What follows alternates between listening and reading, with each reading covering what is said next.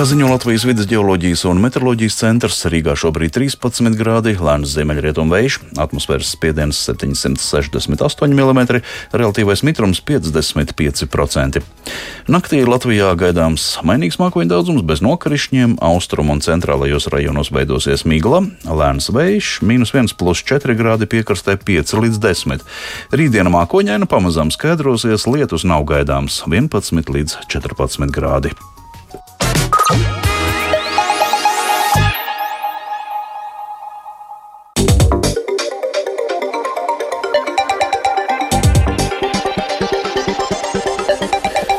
Programmu turpinām ar Latvijas radio ziņu dienestas sagatavoto svētdienas 9. oktobra notikumu apskatu studijā Ģersauzāns. Vispirms īsi par svarīgāko. Krievija uz Krimas tilta spridzināšanu atbild ar raķešu triecieniem Zaporīžjā. Daudzi civiliedzīvotāji nogalināti un ievainoti. Pagaidām Latvijā iedzīvotājiem skeptiska attieksme pret kultūras pasākumu biļešu apdrošināšanu, bet izpratne par to pieaug. Nākamā nedēļa turpināsies valdības koalīcijas izveidas sarunas, paziņos jaunākos inflācijas datus, un katram būs iespēja pārbaudīt savas latviešu valodas zināšanas, rakstot pasaules diktātu. Par šiem tematiem turpmākajās minūtēs.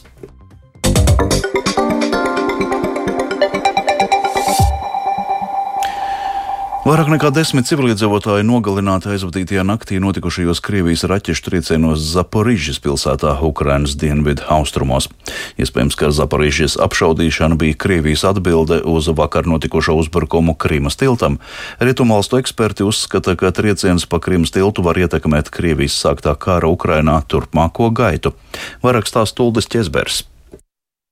Pagājusī nakts izvērtās asiņaina Ukrainas pilsētā Zaporīžjā. Vismaz 13 cilvēki, arī vairāki bērni, ir nogalināti Krievijas raķešu uzbrukumos pilsētas dzīvojamiem rajoniem. Vēl 60 cilvēki ar dažādiem ievainojumiem nogādāti slimnīcās.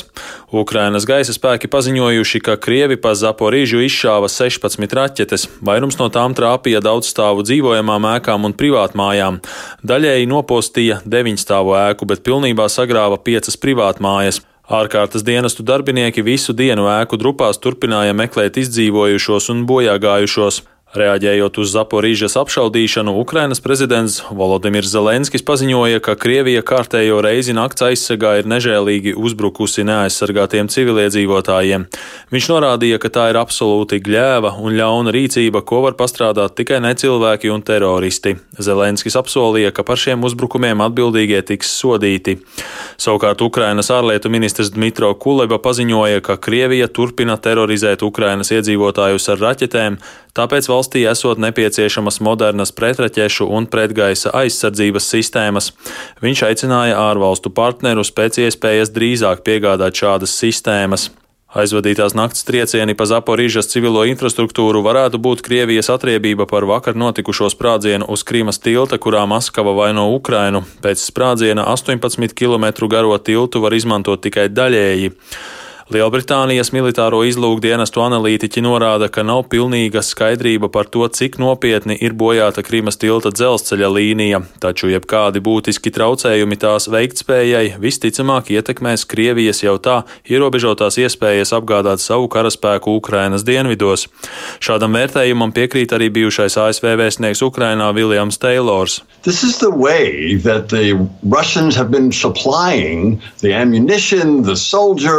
Tas ir ceļš, pa kuru Krievija piegādāja munīciju, karavīrus un ekipējumu saviem uzbrukumiem Ukrainas spēkiem Hersonas apgabalā. Notikušajam pilnīgi noteikti būs graujoša ietekme uz šīm piegādēm. Krievu karavīri Hersonas apkaimē jau līdz šim bija ļoti lielās nepatikšanās, bet apgādes traucējumi padarīs viņus vēl neaizsargātākus. Vai Ukraiņi varētu mēģināt atgūt Krimu? Viņi varētu, tas būtu ļoti sarežģīti, bet tagad viņi ir pierādījuši, ka Krievijas spēki Krimā ir nevarīgi.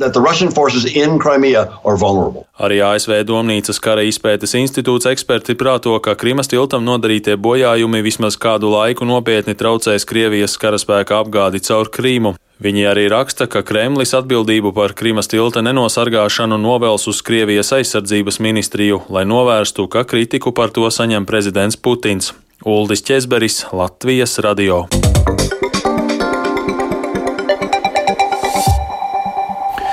Līdz ar kultūras pasākuma biļeti nopirkt arī sirdsmieru. Šāds pakalpojums pasaulē nav jaunums, bet Latvijā apdrošināt pasākumu biļetes var tikai kopš māja.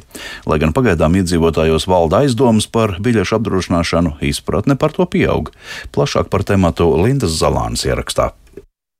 Biļešu apdrošināšana ir rīks, kā cilvēkus iedrošināt iegādāties biļetes uz kultūras pasākumiem, nebaidoties, ka dažādu iemeslu dēļ tos varētu arī neapmeklēt. Biļešu paradīzes valdes priekšādātājs Jānis Čuzulis uzsver, ka pasaulē šāds pakalpojums nebūtu nav jaunums, bet Latvijā to sāk piedāvāt tikai kopš maija. Šīs apdrošināšanas galvenais mērķis ir nodrošināties pret paša apmeklētāja nespēju apmeklēt pasākumu, vai slimības, vai kādas citas ķibeles dēļ. Ja pasākums ir pārcelts uz citu vietu vai uz citu laiku, un patērētājs nevar uh, uz to vai tam nav vērts uz to ierasties, arī šis gadījums tiek apdrošināts. Jānis Čuzuls stāsta, ka Latvijā izpratne par nepieciešamību iegādāties biļetei apdrošināšanu tikai pieaug. Pēc mūsu informācijas dienesta datiem, gan e-pastā, gan telefoniski cilvēki par to interesējas. Nu, pasaules praksē labs rādītājs tiek uzskatīti, ja tiek apdrošināts aptuveni 5% no biļetēm. Šādu rādītāju mēs, protams, vēl neesam sasnieguši, bet esmu pārliecināts, ka esam ceļā uz to. Arī apdrošināšanas uzņēmuma Balcija Insurance valdes priekšādātājs Jānis Lacaus atklāja, ka biļešu apdrošināšana Latvijā ir jauns produkts un to pagaidām iegādājas zem 10% pret faktisko biļešu iegādes apjomu. Lacaus teica, ka ņemot vērā cilvēku jautājumus, vismaz pagaidām šķiet, ka valda ļoti liels aizdomas par biļešu apdrošināšanu un jautājumu jautājumi ir dažādi. Vai seks tad, ja attiecīgi man saslims skaķis un man viņš būs jāved pie ārsta? Jānis Lacaus skaidro, kādus gadījumus apdrošinātājs sedz piemēram, klients ir aizmirsis, vai cilvēks ir sajaucis datumus vai pulksteņus, vai ir aizgulējies un nepaspēja. Mēs neiedziļinamies tajos apstākļos, bet pēc būtības, ja cilvēks nav bijis koncertā un mēs redzam, ka biļete nav izmantota, tad tas ir apdrošināšanas gadījums. Jaunā Rīgas teātra pārdošanas daļas vadītāja Dace Tillere stāsta, ka teātra rīcībā nav datu par to, cik daudz iegādājas apdrošināšanu, bet viņas prāt šādi cilvēki nopērk sev sirdsmieru. Mums labums ir tāds, ka skatītāji ir apmierinātāki. Viņi nejūtās vairs tā, nu, ka viņi pēc tam salīdzinot dārgas biļetes maksā vēl komisijas maksu par biļešu iegādi. Un, ja pēkšņi kaut kas notiek, tad viņiem ir tāda drošības sajūta un viņi saņem šo kompensāciju. Festivāla pozitīvus rīkotājs Girts Majors teica, ka biļešu apdrošināšana pasaulē ir ierasts produkts un tas eksistēja jau krietni pirms pandēmijas. Un arī Latvijā šādam produktam ir nākotne. Es domāju, ka nākotnē mēs nonāksim, ja tirgus tajā virzienā, protams, kad uh, iet, tad arvien vairāk pasākumu rīkotājs domāju to arī piedāvāt, bet, protams, tam jau nu, uzmanīgi skatīt skatīties, jo tur varētu būt ļoti dažādi tie riski, ko piedāvā apdrošināt. Turklāt, apdrošinot biļetes pasākumiem, kas notiek citās valstīs, Majors iesaka rūpīgi izpētīt noteikumus, jo katrā valstī tie tomēr atšķiras. Linda Zalāne, Latvijas radio.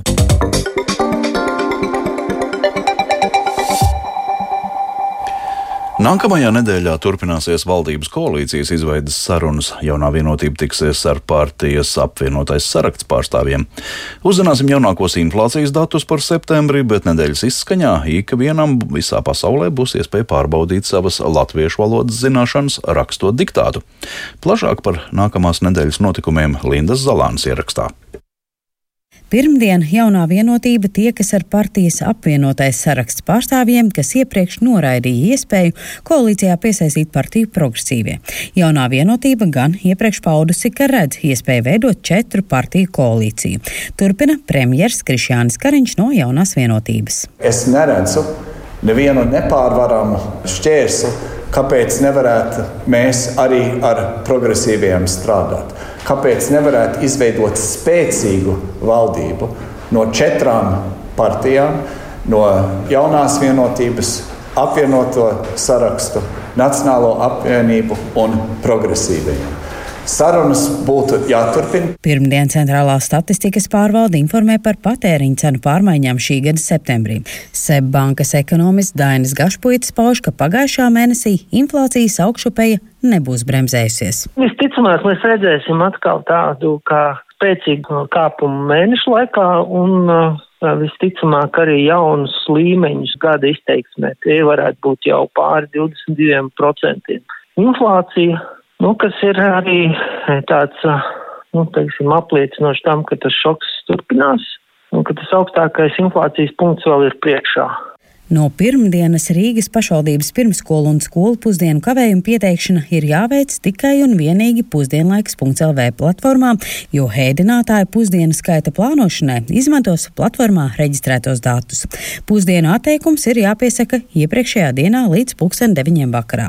Turpina platformas pusdienlaiks.lv izstrādātāju pārstāvis Imants Felsbergs. Joprojām ir plānos izveidot šo integrāciju ar e-klasi un maiklubu sistēmām tādā veidā, lai kavējums ir pieteikti tur, nonāktu arī mūsu sistēmā un automātiski bērnu ēdināšana tiktu atcelta. No pirmdienas pieaugot saslimstībai ar covid-19, kā arī, lai mazinātu apmeklētāju un personāla veselības apdraudējumu, Ziemeļkurzemes reģionālajā slimnīcā Ventspilī un tās filiālē Talsos ierobežo pacientu apmeklējumu stacionāru nodaļās. Pacientus atļauts apmeklēt tikai īpaši kritiskos gadījumos, iepriekš saskaņojot vizīti ar nodeļas vadītāju.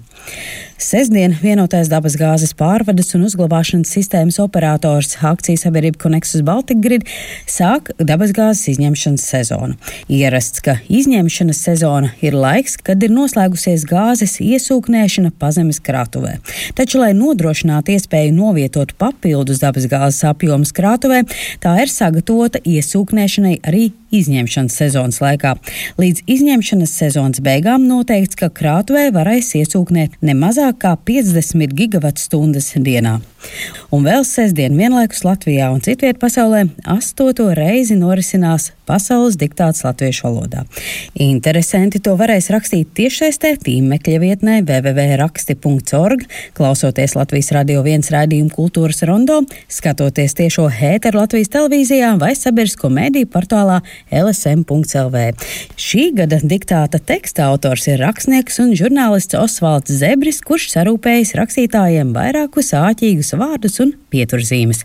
Linda Zalāne, Latvijas radio.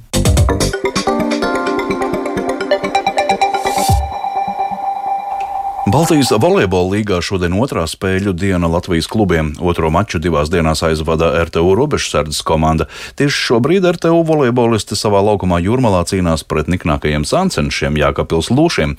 Spēli klātienē vēro kolēģis Mārtiņš Kļavinieks, ar kuru esmu sazinājies tiešraidē. Sveiks, Mārtiņ! Sveiks, Girt, un sveicināti arī Latvijas radio pirmā kanāla klausītāji šeit no Jūrmalas uh, sporta halas. Kā rīt spēle, kāds šobrīd rezultāts? Šobrīd rītspēles uh, trešais sets, un varētu domāt, ka spēle tuvojas izskaņai, jo jāuzvar ir trīs seti, bet nē, gal galā pirmo uzvarēja RTU ar 25 pret 20, otro Jēkabils Lūši ar 25, 21, un šobrīd ar 18, 15 vadībā ar Lūši. Viņi cer izvirzīties vadībā kopējā rezultātā ar 2 pret 1, un tad jau būs tikai seta attālumā no uzvaras savā pirmajā spēlē šajā sezonā, un jāpiebilst, ka RTU komandai šī ir otrā spēle divās dienās, otrā spēle ir jaunajā sezonā, un Nu, viņiem vakardien smaga cīņa par Daugopils eh, ezeru zemi. Eh, tri, eh, piecos setos tikai viņi spēja gūt uzvaru. Tā kā nu, skatīsimies, sekosim līdzi, kā šī spēle noslēgsies. To jau gan jau arī citos ēteru laikos Latvijas radio dzirdēsiet. Ģirt? Jā, kurus šodienas sporta notikumus vēl vēlies izcelt? Jā, nu vēl noteikti jāizceļ tas, ka Latvijas vīru futbola izlase šodien uzzināja Eiropas čempionāta kvalifikācijas pretiniekus, un latvieši tiksies ar Horvātiju, Vēlsu, Turciju un Armēniju. Tā tā zinām šodien izlozē, bet eh, ko sacīja Latvijas futbola izlases galvenais treneris Dainis Kazakevičs uzreiz pēc izlozes paklausīsimies. Šī izloze bija laikam tāda visneprognozējamākā no visām pēdējo gadu izlozēm, jo šie grozi tika veidoti balstoties uh, uz lielā mērā uz Nāciju līgas spēļu rezultātiem. Varēja dabūt nu, ļoti, ļoti stipru grupu, gan varēja dabūt nu, ļoti ņemamu grupu. Nu, es teikšu tā, ka mēs tā kaut kur pa vidu palikām. Ka Horvātija ir grupas tāds izteikts favorīts. Velsa ar Turciju ir komandas, kuras pēdējos turnīros ir pietiekami regulārs fināla turnīra dalībniece, un arī vēl šobrīd arī kopā ar Horvātiju pasaules kausa fināla turnīrā piedalīsies. Armēnijas komanda nu, ir tāds lielais nezināmais, tikai spēles uz laukuma rādīs, vai tā izloze ir bijusi mums veiksmīga vai ne. Jā, nu tālāk Dainis Kazakevičs, Latvijas futbola izlases galvenais treneris par šodienas izlozi Eiropas čempionātā, bet es turpinu skatīties RTU robežas sardzes un Jākapils Lūšu volejbola spēli 19-17, nu jau 20-17 Lūši vadībā trešajā setā. Paldies, Mārtiņ, Mārtiņš Kļavinieks, gan par šodienas Jākapils Lūšu spēli un RTU, gan par citām aktualitātēm. Bet līdz ar to izskan Svētdienas 9. oktobra notikuma apskats. Producents bija Bremse, par labskaņu rūpējās sievietes zvejniece un Renāša Šteimanis, studijā ģercauzāns vēlīs par svarīgāko. Krieviju uz Krimas tilta spridzināšanu atbild ar raķešu triecieniem pa Zaporīžas dzīvojamajām ēkām. Daudz civiliedzīvotāji nogalināti un ievainoti. Latvijā pagaidām skeptiska attieksme pret kultūras pasākumu biļešu apdrošināšanu, bet izpratne pieaug. Nākamnedēļ turpināsies valdības koalīcijas izveidas sarunas.